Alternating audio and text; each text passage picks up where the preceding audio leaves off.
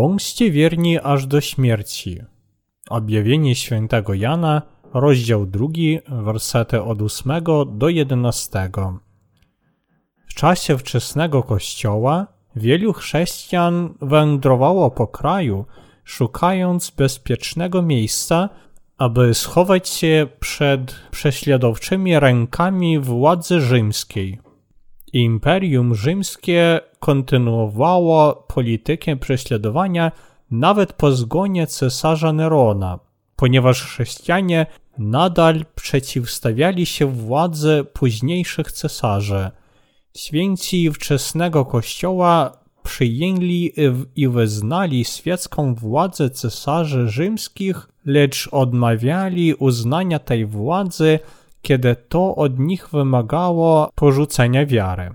Ponieważ oni przeciwstawiali się takiemu żądaniu władzy rzymskiej, annały wczesnego kościoła były pełne prześladowania i męczeństwa. Powinniśmy pomyśleć nad tym, czy słowo objawienia ma jakieś szczególne znaczenie dla dzisiejszych wierzących. W końcu zostało napisane prawie dwa tysiące lat temu, a nie teraz, i do siedmiu kościołów Azji, a nie do nas. Jak ono może być istotne dla nas? Ono jest istotne, ponieważ to jest Słowo Boże, które objawia nam tajemnicę tego, co ma nadejść w przyszłości. Powinniśmy zrozumieć, że teraz żyjemy w erze konia czarnego, trzeciej z er czterech koni – opisanych w objawieniu świętego Jana rozdział 6. Przeżywszy erę konia białego i konia czerwonego, my teraz żyjemy w erze konia czarnego, która już dobiega końca. Cały świat niebawem dozna wielkiego głodu, tak fizycznego jak i duchowego. Właściwie można powiedzieć, że ta era głodu już nastąpiła. Kiedy prawdziwa era konia czarnego era głodu przyjdzie, wtedy nadejdzie era konia trupiobladego. Siedem pieczęci, o których napisano w objawieniu świętego Jana, rozdział szósty, oznaczają, że Bóg zaplanował w Chrystusie siedem er, jeszcze kiedy stworzył wszechświat. Era pierwsza, era konia białego, to era Ewangelii.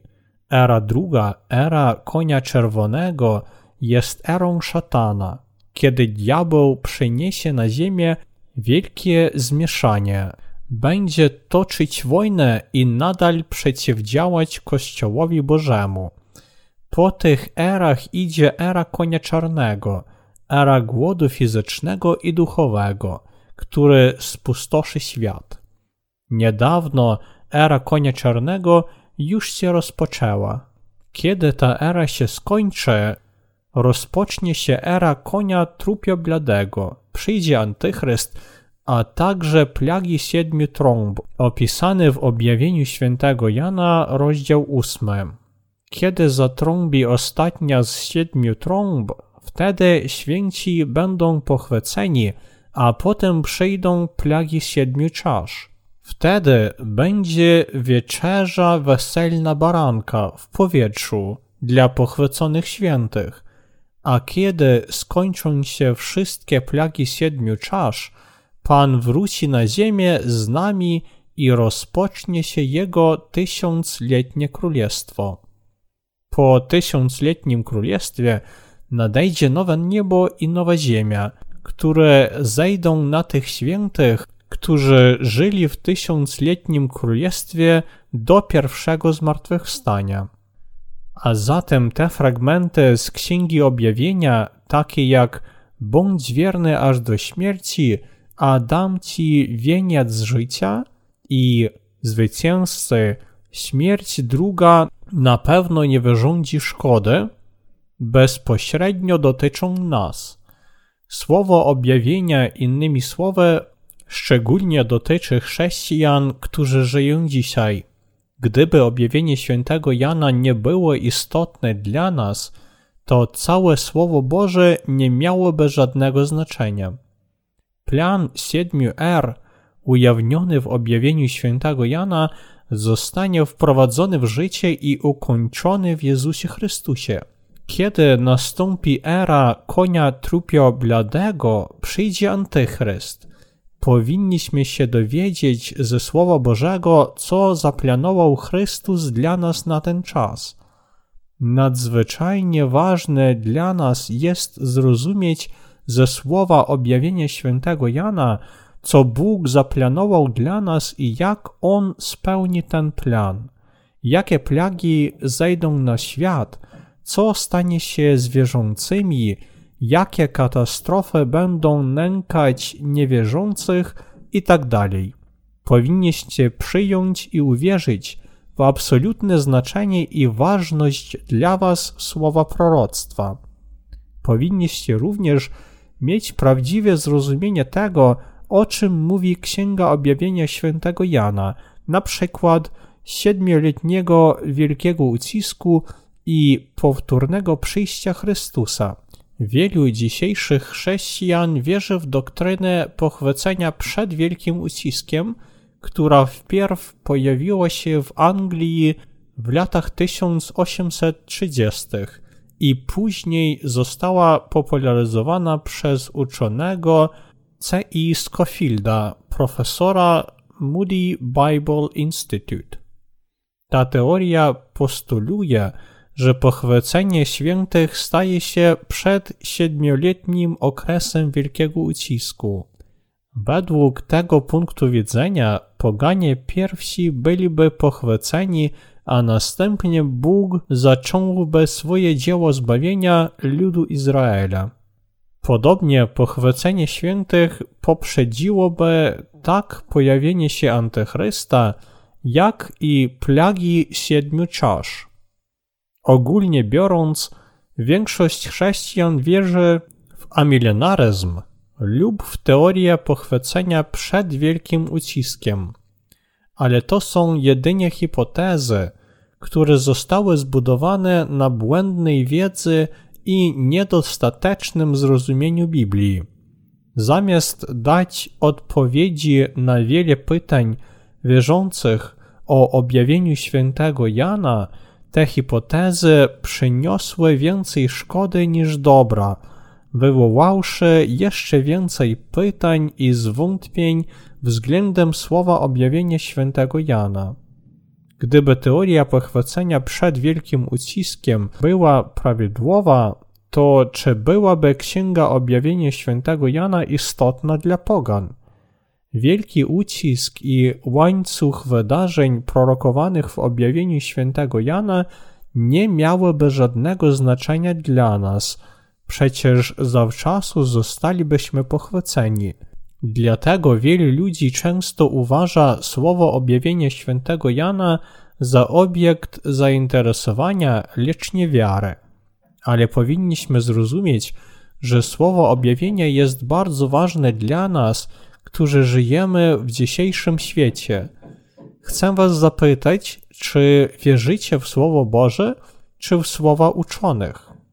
Jest wiele teorii o końcu świata, od amilenaryzmu do teorii pochwycenia po tysiącletnim królestwie, pochwycenia po wielkim ucisku, pochwycenia przed wielkim uciskiem, pochwycenia w czasie wielkiego ucisku itd.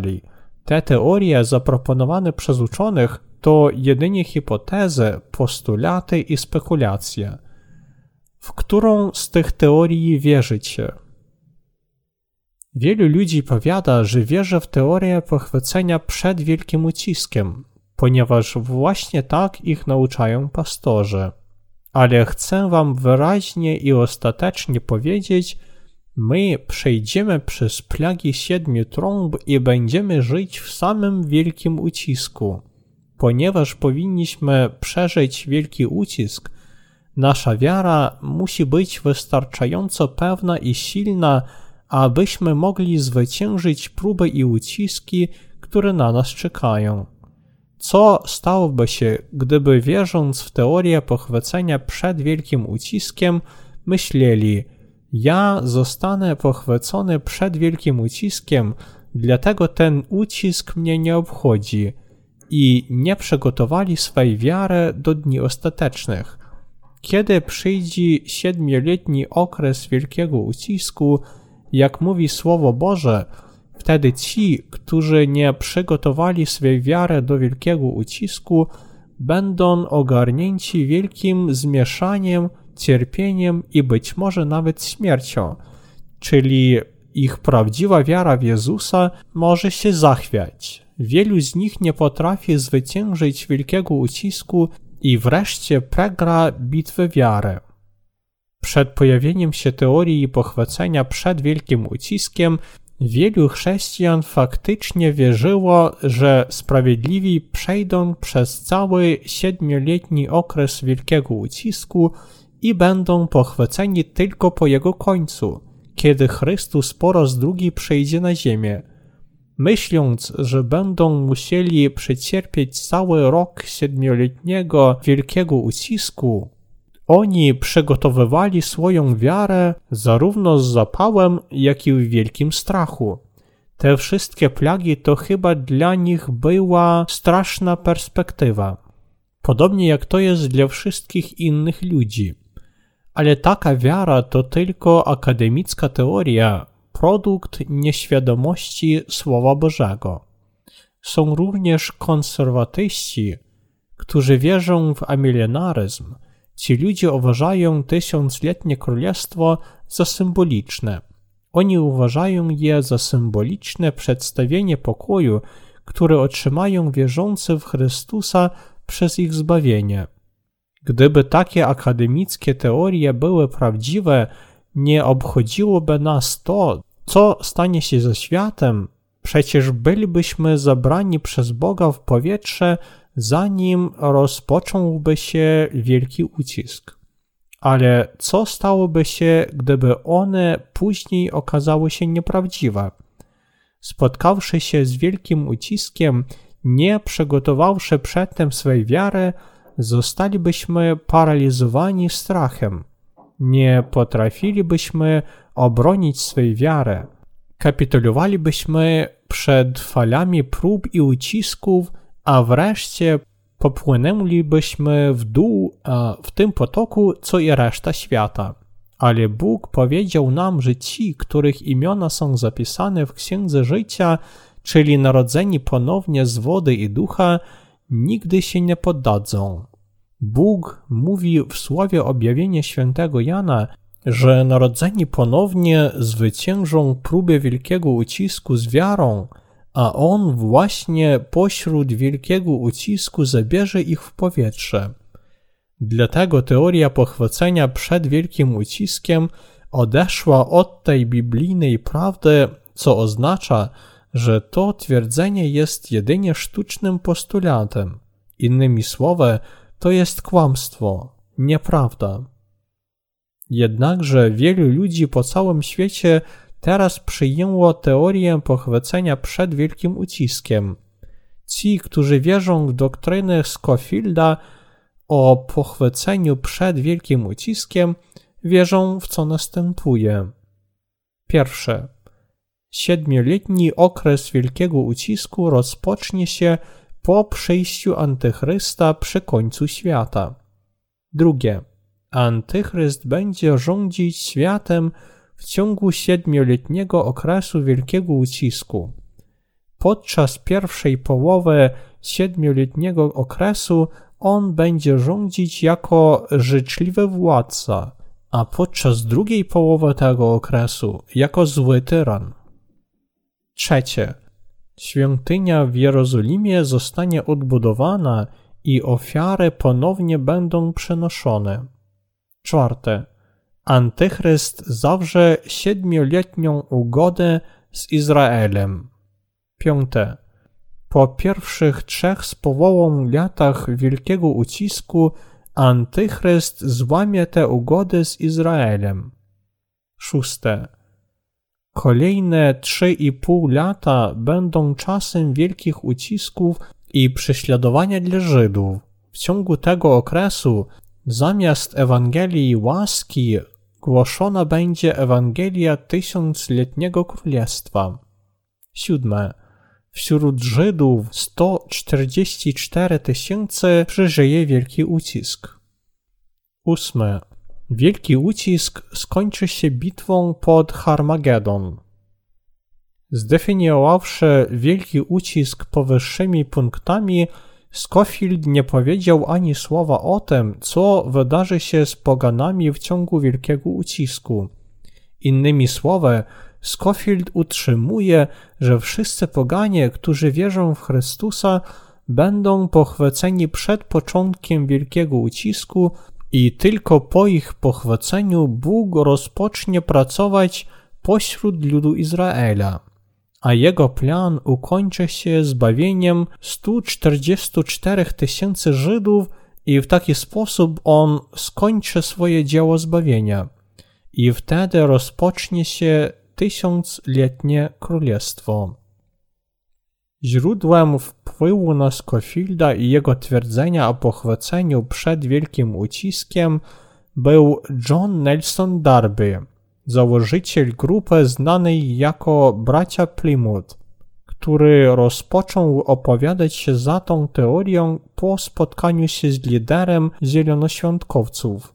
Tym liderem faktycznie była 15-letnia dziewczyna ze Szkocji, której było na imię Margaret MacDonald, która twierdziła, że w roku 1830 miała wiedzenie od Boga, w którym widziała pochwycenie chrześcijan przed wielkim uciskiem.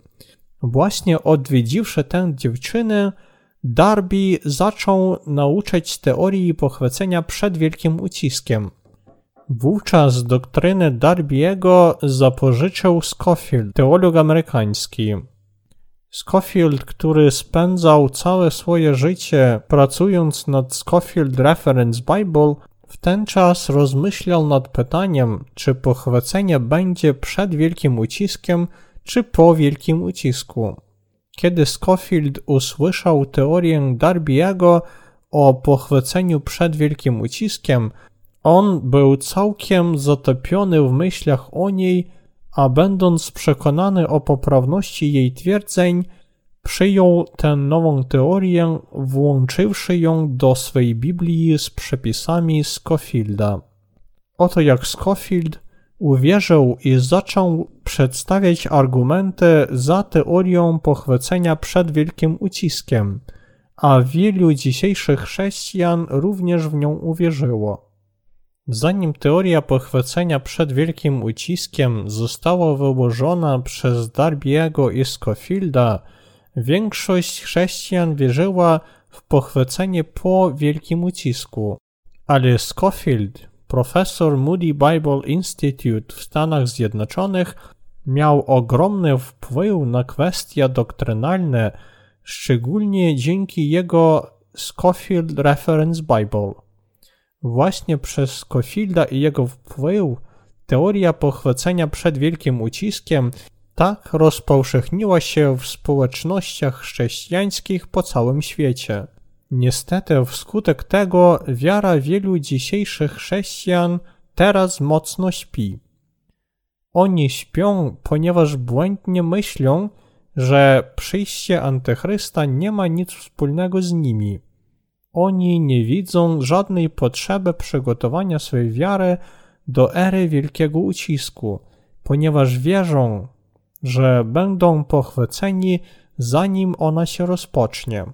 Ale Chrystus rozkazał nam, abyśmy nigdy nie spali, albowiem nikt nie wie, kiedy przyjdzie Pan młody. Niestety ci, którzy ignorują Słowo Boże i natomiast wierzą w doktrynę pochwycenia przed wielkim uciskiem, głęboko śpią. Ale teraz nadszedł czas się obudzić. Teraz powinniście odrzucić błędne hipotezy pochwycenia przed wielkim uciskiem i uwierzyć w słowo prawdy. Ani teoria pochwycenia przed wielkim uciskiem, ani teoria pochwycenia po wielkim ucisku nie mają żadnej biblijnej podstawy. Powinniście wrócić do prawdziwego Słowa Bożego. Słowo objawienia, rozdział 6, werset 8 powiada nam – I ujrzałem, oto koń trupio blady, a imię siedzącego na nim śmierć. I otchłań mu towarzyszyła. I dano mu władzę nad czwartą częścią ziemi, by zabijali mieczem i głodem, i morem, i przez dzikie zwierzęta. Tu napisano, że imię siedzącego na koniu trupio bladem antychrysta to śmierć oraz że otchłań mu towarzyszy. To znaczy, że antychryst to morderca, który prowadzi swoje ofiary do piekła. Tu również napisano, że będzie mu dano władzę nad czwartą częścią ziemi, aby zabijał mieczem, głodem i morem i przez dzikie zwierzęta. Innymi słowy, antychryst będzie popełniać takie okrucieństwa jak i cesarze rzymscy, tylko teraz nawet gorsze, aby zabijać, obrażać i prześladować chrześcijan oraz zniszczyć ich wiarę. Powinniście zrozumieć, że era konia trupio bladego to era antychrysta. Pan powiada nam, wygląd nieba umiecie rozpoznawać, a znaków czasu nie możecie. Ewangelia świętego Mateusza, rozdział 16, werset 3. Jeśli nie możemy rozpoznać znaków czasu, to nie będziemy wiedzieć, jaką wiarę musimy mieć i dlaczego nie możemy ani siać zboża, ani zbierać. Innymi słowy, nie potrafimy pracować dla Pana. Era konia czerwonego już przeszła i my żyjemy w erze konia czarnego. Świat wkrótce zostanie uderzony wielkimi katastrofami ekonomicznymi i nadejdzie era wielkiego głodu. Głód i zagłodzenie będzie się szerzyć po całym świecie. Kiedy to wszystko się stanie, wielu będzie żałować w agonii. Nie bądźcie jednym z nich, natomiast bądźcie tymi, czyja wiara może rozpoznać znaki czasu. Dzisiejsza era to era konia czarnego. Kiedy ta era konia czarnego się skończy, przyjdzie era konia trupiobladego. W tym okresie Antychryst będzie zabijać i prześladować wszystkich bez wyjątku świętych, dlatego ta era będzie nazwana erą męczeństwa. W objawieniu świętego Jana, rozdział 13, wersety od 6 do 8 napisano: Zatem otworzyła swe usta dla bluźnierstw przeciwko Bogu, by bluźnić Jego imieniu i Jego przybytkowi i mieszkańcom nieba. Potem dano jej wszcząć walkę ze świętymi i zwyciężyć ich, i dano jej władzę nad każdym szczepem, ludem, językiem i narodem. Wszyscy mieszkańcy ziemi będą oddawać pokłon władcy. Każdy, którego imię nie jest zapisane od założenia świata w księdze życia zabitego baranka. Słowo jej tu oznacza antychrysta. Ten urywek powiada nam, że jeden z władców świata otrzyma władzę szatana, aby bluźnić i prześladować świętych. To jest dziecko diabła z mocą smoka. Swoją mocą ono będzie walczyć i zwycięży świętych. Ale to tylko oznacza, że ono zamęczy świętych. To oznacza tylko fizyczną śmierć świętych. Antychryst nigdy nie potrafi odebrać świętym wiary. Scofield utrzymywał, że święci wcale nie doznają wielkiego ucisku.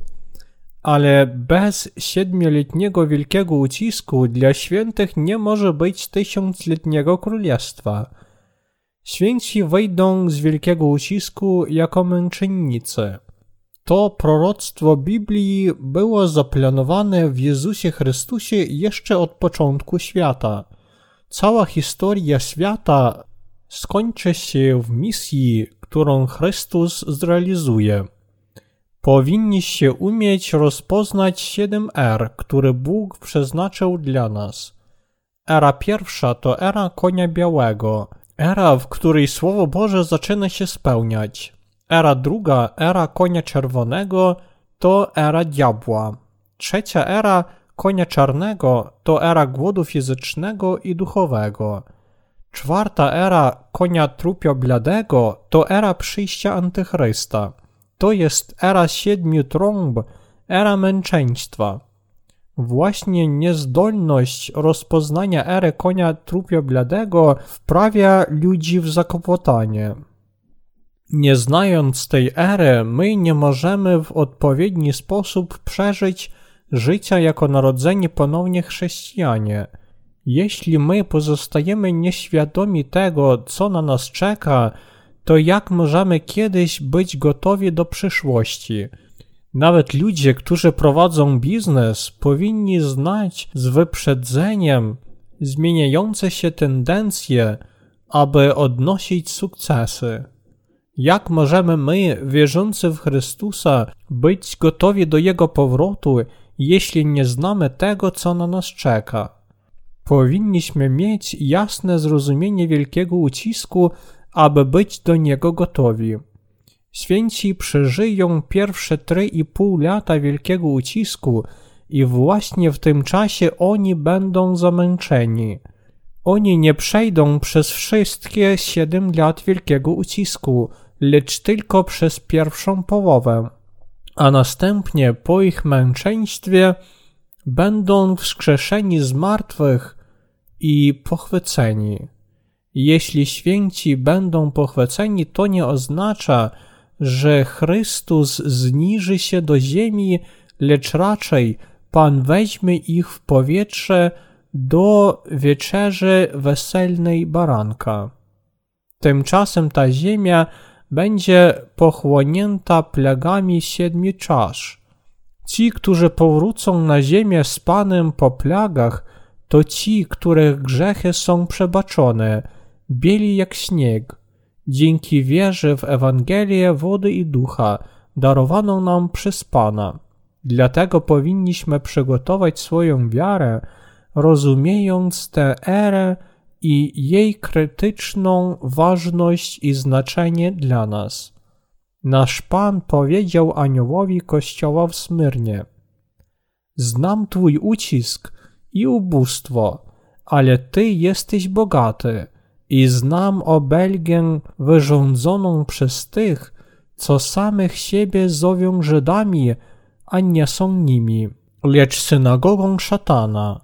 Przestań się lękać tego, co będziesz cierpiał. Oto diabeł ma niektórych spośród was wtrącić do więzienia, abyście próbie zostali poddani, a znosić będziecie ucisk przez dziesięć dni. Bądź wierny do śmierci, a dam ci wieniec życia. W tym urywku możemy zobaczyć, że Kościół w Smyrnie był ciężko prześladowany przez Żydów. Tymczasem Pan powiedział, że oni naprawdę nie byli Żydami, lecz synagogą szatana. On powiedział to nie tylko kościołowi w Smyrnie, lecz również wszystkim siedmiu kościołom Azji. W Smyrnie była wielka społeczność żydowska, która chociaż Żydzi wielbili tego samego Boga, co i wierzący w Chrystusa, niemniej jednak prześladowała świętych kościoła w Smyrnie, podobnie jak Rzymianie. Świętym prześladowanym przez nich Bóg powiedział: Bądź wierny aż do śmierci, a dam ci wieniec życia. I zwycięzcy śmierć druga na pewno nie wyrządzi szkody. Bóg powiedział świętym, że muszą zwyciężyć. Powinniśmy również walczyć z Antychrystem do końca i zwyciężyć go w bitwie wiary. Wtedy Chrystus da nam wieniec życia, innymi słowy, pobłogosławi nas, pozwoliwszy nam żyć w tysiącletnim królestwie oraz w nowym niebie i nowej ziemi. Czy macie odwagę przyjąć męczeństwo? Nadszedł czas, dla was przygotowywać swoją wiarę do męczeństwa, a więc powinniście wierzyć w odkupienie, które pozwoli wam stać przed Bogiem w wierze, która może przyjąć męczeństwo bez wahania. Powinniśmy przygotowywać swoją wiarę już teraz. Chrystus powiedział, że nikt nie może wejść czy nawet zobaczyć Królestwa Bożego bez wiary w Ewangelię wody i ducha. On powiedział nam, że wiara w tę Ewangelię to wiara w męczeństwo dni ostatecznych. Jeśli w sercach ludzi jest grzech, to jak oni mogą się męczyć? Zamiast przyjąć męczeństwo, oni prowadzą innych do otrzymania znaku bestii. Nic oprócz Ewangelii wody i ducha nie może oczyścić naszych grzechów. Nawet wasze modlitwy wyrażające żal za grzechy, które zwyczajowo i rytualnie ofiarujecie, nie mogą wymazać waszych grzechów. Usiłowania oczyścić grzechy modlitwami wyrażającymi żal za grzechy to strata czasu i starań. Ci, którzy tak postępują, wierzą raczej w to, co powiadają teologowie, niż w to, co powiada Słowo Boże. Czy to, że uczeni, ci ludzie, którym ufa tak wielu chrześcijan, uzasadniają i wierzą w amilenaryzm, nie pokazuje nam, że ci tak zwani eksperci Pisma Świętego nie znają Biblii. Według tych amilenarystów nie będzie ani tysiącletniego królestwa, ani męczeństwa świętych w czasie wielkiego ucisku. Dla tych, którzy wierzą w teorię pochwycenia przed wielkim uciskiem lub w amilenaryzm, Księga Objawienia nie ma żadnego znaczenia. Słowo objawienia to Słowo Boże. To jest Słowo Boże zapisane przez apostoła Jana, ukochanego ucznia Chrystusa. Nikt nie może temu zaprzeczyć. Nie krytykuję ustalonej teorii i doktryn teologów bez przyczyny, lecz robię to, aby przygotować waszą wiarę, abyście mogli pozostawać wierni Panu aż do śmierci. Aby nauczyć was słowa Pisma Świętego, abyście byli gotowi wytrzymać prześladowania wielkiego ucisku ze zdecydowaną gotownością do przyjęcia męczeństwa. Aby tak postępować, powinniście już teraz przygotowywać swoją wiarę w Ewangelię wody i ducha. Ci, którzy nie wierzą w Ewangelię wody i ducha, z drugiej strony skapitulują przed szatanem i wreszcie zostaną wrogami Boga, ponieważ ci, których imiona nie są zapisane w księdze życia, będą wielbić szatana. Oto co mówi Słowo Boże. Bóg pozwoli świętym męczyć się w połowie wielkiego ucisku. Kiedy skończą się pierwsze trzy i pół lata siedmioletniej epoki wielkiego ucisku, wtedy ci, którzy wierzą w Ewangelię wody i ducha, pójdą na męki. Wkrótce po ich męczeństwie przyjdzie zmartwychwstanie i pochwycenie. Oto ogólne streszczenie Księgi Objawienia i dlatego powtarzam jej kluczowe kwestie. Powinniście pamiętać, że kiedy przyjdzie era Antychrysta, wtedy wkrótce po męczeństwie za wiarę w Ewangelię wody i ducha wielu będzie wskrzeszono z martwych i jednocześnie pochwycono. Kiedy nastąpi era konia trupio bladego, z ich męczeństwem zakwitną kwiaty wiary.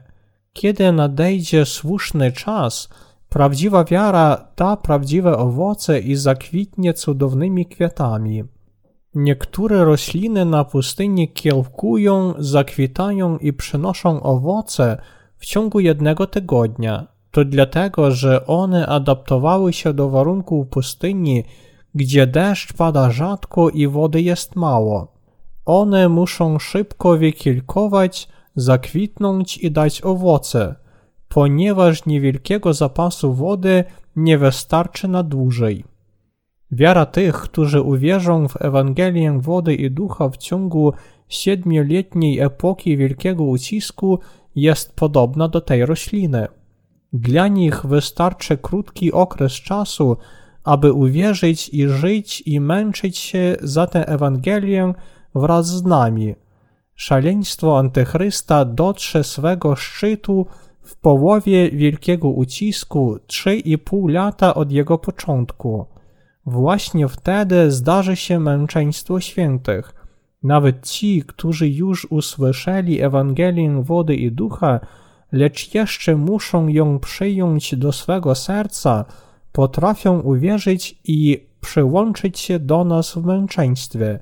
Jeśli naprawdę uwierzą w tę Ewangelię w ciągu ery wielkiego ucisku, bez względu na jego krótkotrwałość. Dlatego my głosimy Ewangelię, aby obudzić chrześcijan po całym świecie z ich snu duchowego. Będziemy głosić Ewangelię wody i ducha aż po koniec świata, aż sami pójdziemy na męki. Gdyby nie było męczeństwa, cóż dobrego byłoby w tej Ewangelii, którą teraz głosimy? Ci, którzy wierzą w Ewangelię wody i ducha, potrafią męczyć się przy końcu świata. Teraz powinniśmy przygotowywać do tego swoją wiarę. Jeśli my dzisiaj, żyjąc w pokoju przed Bogiem, nie przygotujemy swej wiary, aby przyjąć męczeństwo i bronić Ewangelii wody i ducha, to tylko pożałujemy o tym później. Kiedy przyjdą dni ostateczne, my będziemy zajmować się sobą, mówiąc: Panie, właśnie teraz jestem bardzo zajęty. Zaczekaj jeszcze trochę na mnie. Już się kajam. Jeśli będziemy mieć taką wiarę, to Pan powie: Dlaczego sam nie skoczysz do jeziora ognia? Na pewno zasługujesz na to. Ci, którzy mają grzech, teraz powinni zrozumieć, że tak samo będzie z nimi. Dlatego Bóg powiedział: Kto ma uszy, niechaj posłyszy, co mówi duch do kościołów. Do czasu męczeństwa świętych środowisko naturalne tego świata już zostanie całkiem zniszczone. Lasy spłoną, morza, rzeki i źródła staną się gniejącą krwią. Słońce, księżyc i gwiazdy utracą swoje światło. Cały świat pochłonie ciemność. Jego mieszkańcy, opanowane złymi duchami, zgubią umysł. Ich zachowanie zostanie brutalnie gwałtowne. Ich jedynym celem będzie spędzanie i zabijanie wszystkich dzieci Bożych.